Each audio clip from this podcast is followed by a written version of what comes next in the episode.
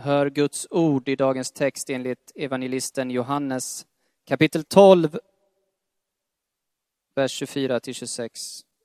Sannerligen, jag säger er, om vetekornet inte faller i jorden och dör förblir det ett ensamt korn. Men om det dör ger det rik skörd. Den som älskar sitt liv förlorar det, men den som här i världen hatar sitt liv, han ska rädda det till evigt liv. Om någon vill tjäna mig ska han följa mig, och där jag är kommer också min tjänare att vara. Om någon tjänar mig ska Fadern ära honom. Så lyder Herrens ord. Gud, vi tackar dig. Varsågod och sitt och välkommen Daniel Stenmark. Tack så jättemycket. Väldigt eh, roligt att eh, få fira gudstjänst tillsammans med er. Eh, när jag stod här och under lovsången så, så eh, men kom jag att tänka på någonting och jag prövar det ordet med er. Jag tänker att det sitter en eller flera här som brottas enormt mycket med, ja, men till och med när vi, när vi sjunger lovsång, så brottas du i ditt inre med det här att du måste prestera inför Gud. Att du måste vara något speciellt, att, att äh, ja, men på något sätt att vara tillräckligt mycket. Och jag kom att tänka på de här orden som Jesus yttrar i Matteus, bland annat Matteus 11, kapitel 11, 28, 29, ja till och med 30. Kom till mig alla ni som arbetar och är tyngda av bördor, så ska jag ge er vila. Ta på er mitt ok och lär av mig. För jag är mild och ödmjuk i hjärtat. Då ska ni finna ro för era själar. För mitt ok är milt och min börda är lätt. Gud är god. Gud är ljus, bara ljus och inget mörker finns i honom överhuvudtaget. Vi lever i en värld, jag, jag ska inte predika den predikan igen, men jag predikade om det faktiskt sist här, jag blev påmind om det, eh, sist om det här i Sankta Clara, om bekräftelse och bekräftelsebehovet. Gud som är den store bekräftaren. Vi är kallade att komma till Jesus. Jesus lär oss att vi ska komma till honom och vi ska be till honom. Vi ska ropa till honom, vi ska tacka honom, vi ska tillbe honom och vi kan komma till honom. Bibeln säger och Jesus säger, men ni, och så säger han, ni människor, ni som är onda, om ni nu kan ge era barn bröd när de ber om det, ni ger inte en sten, hur mycket mer ska Gud inte ge er av hans heliga ande, av allt det goda han har? Jag vet inte hur det är med dig, men ibland, det har hänt en gång, nej, det har hänt flera gånger, att jag tvivlar på det. Har det hänt någon gång för dig att du tvivlar på det? Det berättas om en fransk präst Um, som regelbundet, det här är ganska många år sedan, men han besökte regelbundet ett fängelse i regionen där han eh, verkade och där han stod i tjänst. Han besökte alla, alla olika delarna av det här fängelset och, och längst in i en isoleringscell så satte en man, en grov förbrytare, en oerhört grov förbrytare som hade gjort hemska saker och gjort väldigt många människor illa, vållat oerhört mycket skada. Ehm, han satt i isoleringen för att han var farlig för andra fångar. Han var också farlig för, för väktarna, de som arbetade där. Men prästen kom dit. Och till en början så fanns tydligen en lucka i den här isoleringscellens dörr Och det började med, och prästen började med, han satte sig på en stol utanför den här dörren. Och bad att, att fångvaktarna skulle öppna, öppna den här lilla luckan. Och så satt han där. Ganska lång stund satt han bara tyst. Han läste Bibeln och så började han berätta olika berättelser om vem Jesus är. Han fick aldrig någon respons ifrån den här fången som satt i den här isoleringscellen. Han kikade in ibland och den där fången rörde inte en min. Satt och, bara, satt och kikade in i väggen. Dagarna gick. Veckorna gick. Och den här prästen fortsatte att komma tillbaka till den här fången.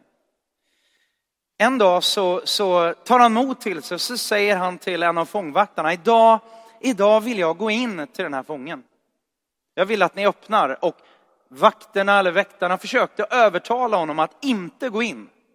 Han är livsfarlig. Han har dödat personer, han, han, är, han är våldsam. Snälla, gå inte in. Men den här prästen, han var envis. Han var envisare än, än väktarna var, var, var rädda. Så till slut, efter lite övertalning, så släpptes han in. Han tog med sig sin stol. Och han gick nog in med lite skälvande ben. Men han gick in och han satte sig precis innanför dörren och dörren stod på glänt.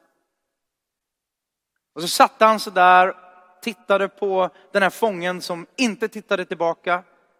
Han läste Bibeln, han berättade om Jesus. Han berättade de glada nyheterna om att Jesus har dött för våra synder. Dagarna gick, veckorna gick. Och den här prästen bara fortsatte. Han fortsatte att komma dit. Han gav inte upp, han fortsatte. Han fick inte en enda respons apropå bekräftelse. Inte en ögonvinkning. Den här prästen, vart eftersom så blev han modigare och modigare. Så han flyttade längre och längre in i den här cellen tills han satt precis bredvid den här förövaren, den här skurken. Och som alla var så otroligt rädda för. Han satt precis bredvid honom, läste Bibeln, berättade om Jesus. Och det, jag vet inte, jag vet inte hur lång tid som gick, men det var en ganska lång period som den här prästen bara fortsatte att gå, fortsatte att berätta om Jesus och fortsatte att be. För det gjorde han också. En dag, precis som alla andra, så hade han gått runt i fängelset och slutade som vanligt i den här isoleringscellen, hade tagit med sin stol in och satt bredvid den här fången. Och skulle precis till att gå, han reste på sig och precis när han reser på sig, plötsligt, det första, de första orden kommer ur den här fångens mun. Så säger han så här, vänta. Vem, vem är den där Jesus som du pratar om? Den där Jesus, är han som du? Frågar den här fången, prästen. Prästen är nog lite tyst en stund. Med rätta förmodligen. Men så tar den här prästen mod till sig och säger, ja, han är nog lite som jag. Då säger den här fången, då, då kan jag tro på honom. Vi är kallade att göra skillnad. Så många av oss kan känna ett, en börda, en press en stress, vi kan känna olika saker när Gud säger gå. Och det här jag började med att läsa, ni som är tyngda av bördor, jag ska ge er vila. I, I det militära, i lumpen, jag gjorde lumpen för det är många år sedan nu, men där hade vi ett, vi tyckte det var lite coolt, så här, unga grabbar mest. Ehm, som, som vi hade ett, ett uttryck så här, färdigställning för aktiv vila. Och det var inte alls vila, utan det var armhävningar. Det, det, vi tyckte det var liksom sådär. Och jag, jag tänker att så många kristna, jag inkluderad, spänner mig alldeles för mycket. Undrar alldeles för mycket. Och undrar var är, var är frukten? Jag får bearbeta det ganska mycket. Men Jesus kallar oss till att komma, men han kallar oss också att gå. Vi vet egentligen inte exakt vad som ligger bakom. Jag brukar säga så här, nej, vi vet inte vad som ligger framför skulle jag säga. Vi vet inte vad som ligger framför, men vi vet vem som ligger bakom. Det är allt vi behöver veta. Och de här orden, amen, amen, ur dagens text, säger jag er, om vetekornet inte faller i jorden och dör, förblir det ett ensamt korn. Men om det dör, bär det rik frukt. Jag tänker på den gamla evangelisten som är död nu sedan rätt många år. En kvinnlig evangelist som hette Catherine Kuhlman. Hon fick frågan, hur förbereder du dig inför, inför en predikan, inför gudstjänsterna? Då sa hon, jag lever ett förberett liv. Jag tänkte så här som titel på den här predikan, lev inte tom, utan lev förberedd. Jesus säger i Johannes 19 och 30, när Jesus hade fått det, eller Bibeln säger, evangeliet säger om Jesus, när Jesus hade fått det sura vinet, sa han, det är fullbordat. Och han böjde ner huvudet och gav upp andan. Paulus mot slutet av sitt liv i andra Timoteusbrevet 4, vers 7-8. Jag har kämpat den goda kampen, jag har fullbordat loppet, jag har bevarat tron. Nu ligger rättfärdighetens segerkrans i förvar åt mig. Den ska Herren, den rättfärdige domaren, ge åt mig på den dagen, Och inte bara åt mig, utan åt alla som älskar hans återkomst. Abraham från första, eller nya, eh, gamla testamentet, första Mosebok, kapitel 25, 7, 8. Abrahams ålder blev 175 år. Sen gav han upp andan och dog i en god ålder, gammal och mätt på livet och samlades till sitt folk. Uppmuntrande att höra om folk som dör här känner jag, men det blir bra. Min farmor hon dog 2011. Hon blev 101 och ett halvt år gammal. Och några år tidigare, eh, innan hon dog, så säger hon till sin son, min pappa då, så säger hon Gunnar, jag, jag, jag vill hemskt gärna dö på sommaren. Ganska så här, annorlunda kommentar kan man tycka. Men, men eh, det är så här att hon bodde i Skellefteå.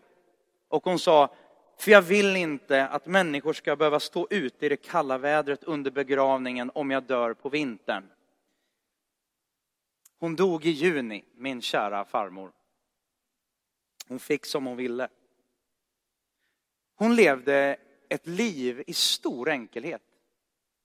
Hon har inte en massa böcker uppkallade efter sig. Hon har inte, hon har inte något tv-program eh, som hon har signerat liksom, på det sättet. Hon har inte magasin, hon har, jag tror inte ens att hon hade något Facebook-konto. Dock, när hon var 94 så mejlade hon mig för första gången. Jag satt i London och hon mejlade mig för första gången. Hon var vetgirig och nyfiken på livet ända in i slutet. Men hon levde ett liv i enkelhet. Och det hon lämnar efter sig är en enorm tacksamhet hos de som fanns runt henne. Jag hade ju inte varit här om det inte hade varit för henne. Och jag är enormt tacksam för det hon fick betyda för mina föräldrar och för mig. Och alla de människorna runt omkring, omkring sig. Det är bara så lätt att stirra, stirra sig blind på vad är det du vill med mitt liv? Det här ordet potential, jag tycker att det är både härligt och riktigt jobbigt. Hur många känner så här, jag har potential att göra mer än vad jag gör just nu?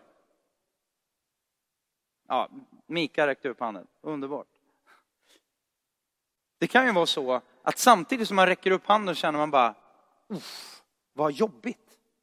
Tack för att du påminner mig om allt jag borde göra eller allt jag skulle kunna göra, allt sånt. Jag slog upp definitionen av potential. Wikipedia säger, någon eller något har möjlighet att utvecklas eller med tiden bli något signifikant mer värdefullt än det är just nu. Med den definitionen skulle jag vilja säga så här, du, du har ingen mer potential än vad du har just nu. Du har nått din fulla potential just nu. Med den definitionen. Det tycker du kanske också är dåligt, men för du kan inte bli mer värdefull än vad du redan är. Går inte. Omöjligt. Du har sånt värde att Gud gav sin enda son för att rädda livet på dig. Så värdefull är du. En annan definition på potential, outnyttjad kraft. Vilande eller sovande förmåga. Oanvänd framgång eller dold styrka. Där, kära vänner, tror jag att vi har mer att ge. Ur den aspekten och från, det, från den, eh, ja men ur den dimensionen. Jag träffade en författarinna och även hon predikant som heter, heter Cindy Jacobs. Och hon berättade om att hon hade, hon hade, hon hade precis släppt en av sina böcker. Hon var på en sån här bokrelease, någon bokmässa. Och så hade hon eh, fått, fått tala där om den här boken. Och direkt efteråt så kommer det fram en man till henne. Och som har lyssnat på det där och så säger han, jättebra bok och allt sånt där som du har skrivit. Men vet du vad? Den där boken kunde jag lätt ha skrivit. Vad svarar man på en sån, sån kommentar? Jag tyckte hon hade det absolut bästa svaret någonsin.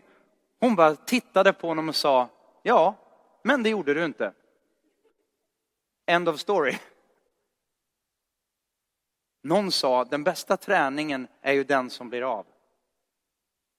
Nu får några dåligt samvete här också, men vi, vi lämnar det. Att följa Jesus, det är inte och var inte tänkt att vara ett stort ok och en börda som är tung att bära. Utan vi får hjälp och det är ett samarbete med vem? Jo, apropå potential. Vem är det som verkligen är potent och har potential? Man pratar om, det finns en person som är omnipotent. Omni, grekiska, latin, före oändligt, gränslös, all. Potent betyder mäktig, kraftig, förmåga, allsmäktig, gränslös, kraftfull, den totala källan av kraft, kraft, oändlig förmåga. Vem är det vi teamar med? Vem är det vi teamar med? Det är han som är omnipotent. Och helt plötsligt så tror jag att det finns någonting i det. Vi kan låta den här pressen och stressen rinna av oss. Johannes evangelium kapitel 1 och vers 1-3 står det, i begynnelsen var ordet, ordet var hos Gud och ordet var Gud. Han var i begynnelsen hos Gud. Genom honom har allt blivit till. Och utan honom har ingenting blivit till som är till. Slappna av, kära vänner. Var aktiv. Men du kan slappna av. Det står om Gud, innan skapelsen så är Gud. Gud är källan till allt. Gud är allt. Så om du skulle skaka hand med Gud så skulle du skaka hand med allt. Så stor är Gud. Kolosserbrevet 1, 15-17. Han är den osynlige Gudens avbild och förstås så talar Paulus om Jesus. Den osynlige Gudens avbild, förstfödd före allt skapat, Ty honom skapades allt i himlen och på jorden, det synliga och det osynliga, tronfurstar och herradömen, makter och väldigheter. Allt är skapat genom honom och till honom. Han är före allting och allt består genom honom. Gud har skapat dig. Han har skapat dig till att vara lik honom. Vi behöver inte läsa det, men vi kan se eller helheten där. Men Gud har skapat oss till att vara lik honom, skapa, skapade till Guds avbild. Och Gud är skaparen. Och på sätt och vis så har vi fått den förmågan också. Jag skulle säga att vi kanske inte skapar utan vi mer reproducerar det som Gud redan har skapat. Men vi har potential till att föröka oss. Vi har potential till att beröra, potential till att göra gott och potential till att göra skada.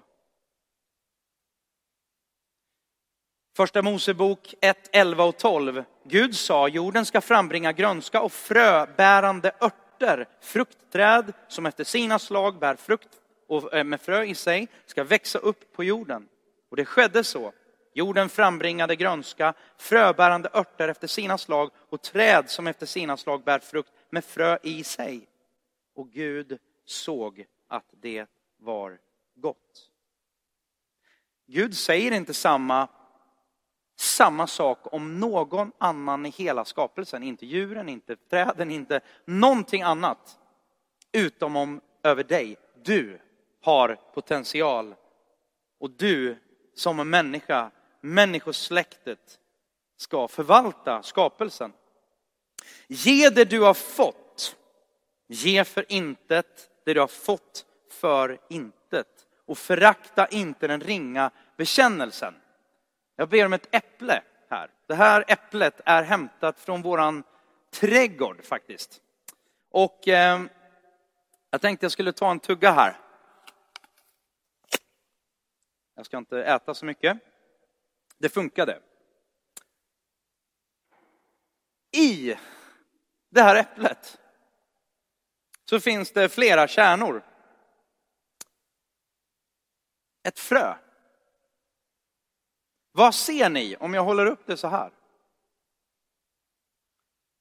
Vad ser ni? Ni ser ett frö. Det är ju helt korrekt. Fakta är att det här är, oj, jag höll på att tappa. Det är ett frö. Det ligger här i min hand. Eh, just här och nu så skulle det ligga kvar här så kan inte hända så jättemycket med det här fröet. Men man skulle också kunna säga det här, det här är ju inte bara ett frö, ett ensamt frö. Det här är ju också början till ett träd, ett nytt träd. Det här är ju faktiskt inte bara början till ett nytt träd, utan det här som jag håller i min hand, det här lilla, lilla, det är ju faktiskt början till en helt ny skog. Det finns inte så mycket träskogar nu för tiden, men ni är med på bilden. Det blir, det växer upp ett träd, det blir frukt, det blir frön. Fröet faller i marken och uppkommer ett nytt träd som bär frukt, som har frön som faller i marken. Och så fortsätter det så. Och de bär frukt. Träden bär frukt bara av naturen. Ibland tror jag att vi är för rädda för den naturen som Gud har lagt ner i oss. Jag tänker att Gud verkar vilja, han verkar gilla att gömma saker.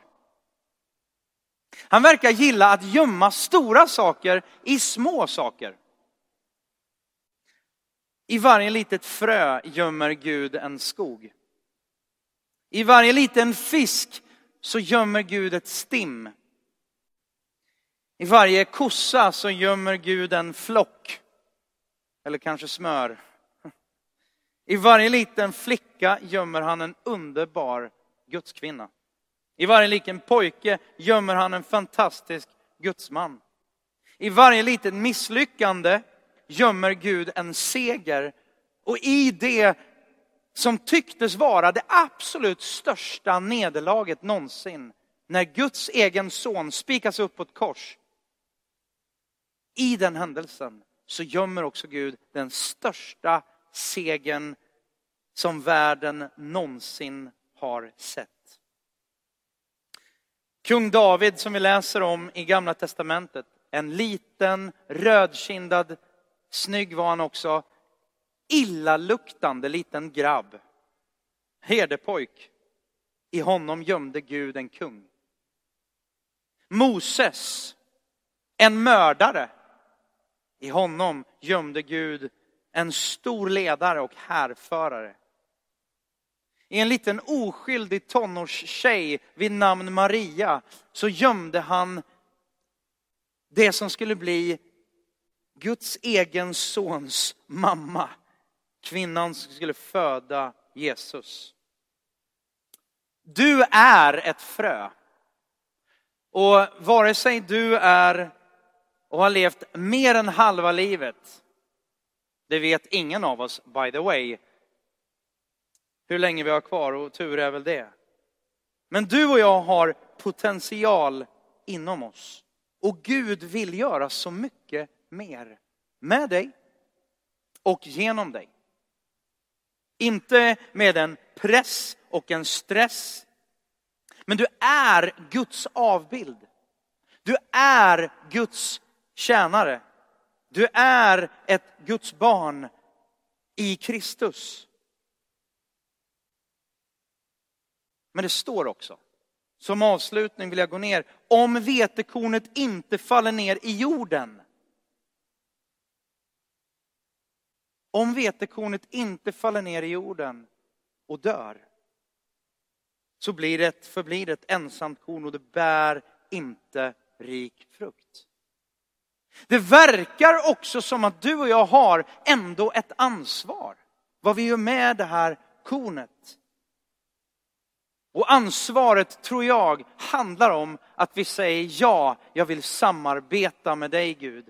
Inte ja, jag ska fixa skivan själv.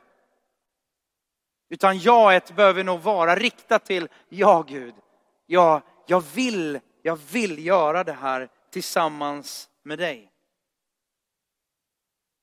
Vilken omgivning, i vilken omgivning, i vilken jord finns ditt frö?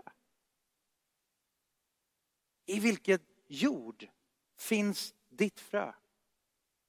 Hur ser det ut med uthålligheten kring ditt frö?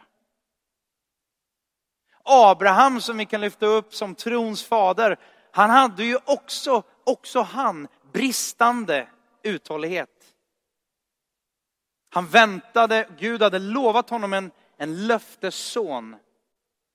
Men han ville springa i förväg, det tog för lång tid. Och jag kommer inte ihåg nu hur lång tid det tog, om det var 16 år från löftet till att han faktiskt fick Isak. Tänk dig vänta i 16 år, inte se någonting förutom att du blir äldre och äldre och äldre och äldre. Och du vet att den biologiska klockan, den är emot dig, men inte bara emot dig, utan din fru också. Så både Abraham och Sara, det var, det var tufft. Och Abraham sprang i förväg och det blev lite snett, det blev lite fel. Men så fick han komma tillbaka. Vad gör du och jag med det frö som Gud har gett dig och det frö som Gud har gett mig? Låt oss vara uthålliga så som prästen där i fängelset var uthållig. Han fick inte ens en ögonvinkning, han fick inte någonting från den här fången. Men han fortsatte. I min värld så var han ett föredöme. Och jag avslutar med att läsa den här texten igen, dagens text. Jag säger er sanningen, om vetekornet inte faller i jorden och dör förblir det ett ensamt korn. Men om det dör bär det rik frukt. Den som älskar sitt liv förlorar det, men den som sätter sitt liv sist i den här världen ska bevara det till evigt liv. Om någon vill tjäna mig ska han följa mig och där jag är ska också min tjänare vara. Om någon tjänar mig ska Fadern ära honom. Gud kallar dig och mig till att gå ut och bära frukt. Vilka människor har du omkring dig? Vilka färdigheter har Gud redan gett dig? Längta inte efter allt som du önskar att du hade, utan tacka Gud för det du har just nu. Var inte stolt och högmodig över det du har nu. Men se heller inte ner på det. Tacka Gud och gå i Herren din Guds namn och var mycket frimodig. För Herren är med dig. Låt mig be och låt oss be. Himmelske far. Du har gett oss frön. Du har placerat frön i oss.